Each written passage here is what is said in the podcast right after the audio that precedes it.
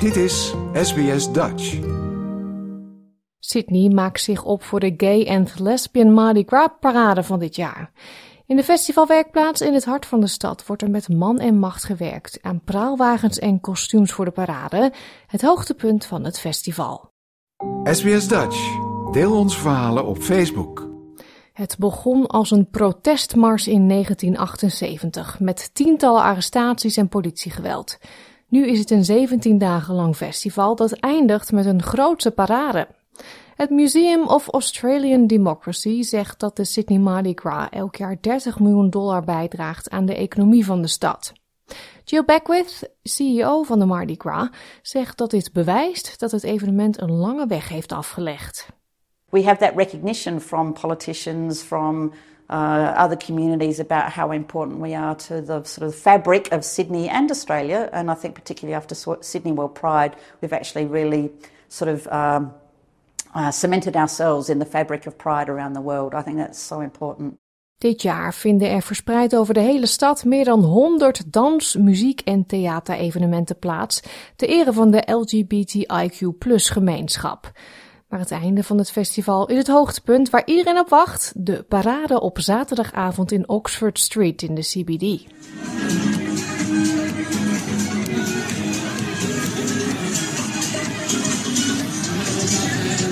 De organisatoren verwachten 200 festivalwagens, 12.000 deelnemers en 250.000 toeschouwers. Van de mature-aged gays, Australian Rainbow Veterinarians, Parents for Trans Youth Equity, Please Don't Forget Our Homeless Group en vele andere. De praalwagens weerspiegelen de zeer diverse facetten van de mensen die deel uitmaken van de LGBTIQ gemeenschap. Het is de jaarlijkse traditie dat de zogenaamde Dykes on Bikes groep de parade opent, rijdend van Hyde Park in het stadscentrum naar Moore Park. Om de glitter en glamour naar voren te kunnen laten komen op de avond van de parade, wordt er achter de schermen in de Mardi Gras werkplaats door tientallen mensen nog keihard gewerkt. In die werkplaats werken tien vaste hoogopgeleide medewerkers en daarnaast is er een leger aan vrijwilligers met diverse talenten. Liz Carter heeft de afgelopen negen jaar leiding gegeven aan de groep. I think the hardest thing for us is always time. Because although we have a good amount of time, it's always the level of detail and the level of quality that we want to put in. Everyone is so passionate about what we do and conveying our message, which is incredibly important to people. It's it's not just a celebration, it's about what we're saying to people and the world around us. And so getting that message defined into the best quality is really very important. Er is echter nog steeds controverse rond het evenement dit jaar. Charlie Murphy van de groep Pride in Protest heeft kritiek geuit op de manier waarop de politie heeft gewerkt aan de moord op het Sydney-koppel Jesse Baird en Luke Davies. Hij vindt dat de verontschuldigingen van de politiecommissaris van New South Wales over de aanpak van de LGBTIQ haatmisdrijven tussen 1970 en 2010 onoprecht lijken. After years of campaigning, the New South Wales Police have now been disinvited from participating in the Mardi Gras parade. But the fight for safety and justice in our community does not end here.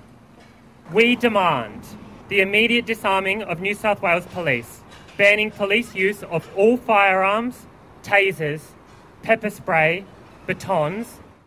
Het besluit om de politie van de parade te weren is inmiddels teruggedraaid. Het bestuur van Mardi Gras bereikte een overeenkomst met politiecommissaris Karen Webb om agenten te laten meelopen zolang ze geen uniform dragen. De commissaris heeft gezegd dat ze verbaasd was over de aanvankelijke uitspraak en dat ze vastbesloten is de relatie tussen de politie en de LGBTQI gemeenschap te blijven verbeteren. We're not dealing with gay hate crime here. We're dealing with a domestic homicide. Um, and that I do, I'm disappointed that the position that Mardi Gras uh, board has taken on this issue. I think this time, more than any in our society, it's time to come together. we're talking about inclusion, we're talking about diversity, and to exclude part of that community, I think sends a wrong message. Voorstanders zeggen dat er de afgelopen 50 jaar veel vooruitgang is geboekt. Van decriminalisering, antidiscriminatiewetten, wettelijke erkenning voor transgenders, de opheffing van een verbod op militaire dienst, de parlementaire vertegenwoordiging, adoptierechten en legalisering van het homohuwelijk.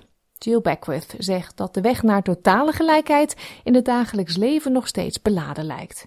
I receive emails, we receive homophobic stuff on our websites all the time. Every day, every day we cop it. And, you know, we're strong, we're resilient, we're working in our community. I can only imagine what a young person feels or someone that's, you know, lives out in the suburbs. Uh, you know, they must feel awful. Uh, I'm 60, I don't feel awful. No, whatever anyone can say, it's already been said to me before, but I have that on my side where the young people that I work with don't. And I can see how it drains and it takes away from their joy of life. Maar volgens haar blijft de Sydney Mardi Gras een relevant en krachtig jaarlijks statement voor de LGBTIQ gemeenschap. For us, it's really important to provide that messaging to people that we're here, we're, we're not different, we love, we live, we cry, we laugh just like anybody else, but we just want to be celebrated and embraced and accepted for who we are. It's really, really important. Dit verhaal werd geproduceerd door Ellen Lee voor SBS Nieuws, in het Nederlands vertaald door SBS Dutch. Like, deel, geef je reactie. Volg SBS Dutch op Facebook.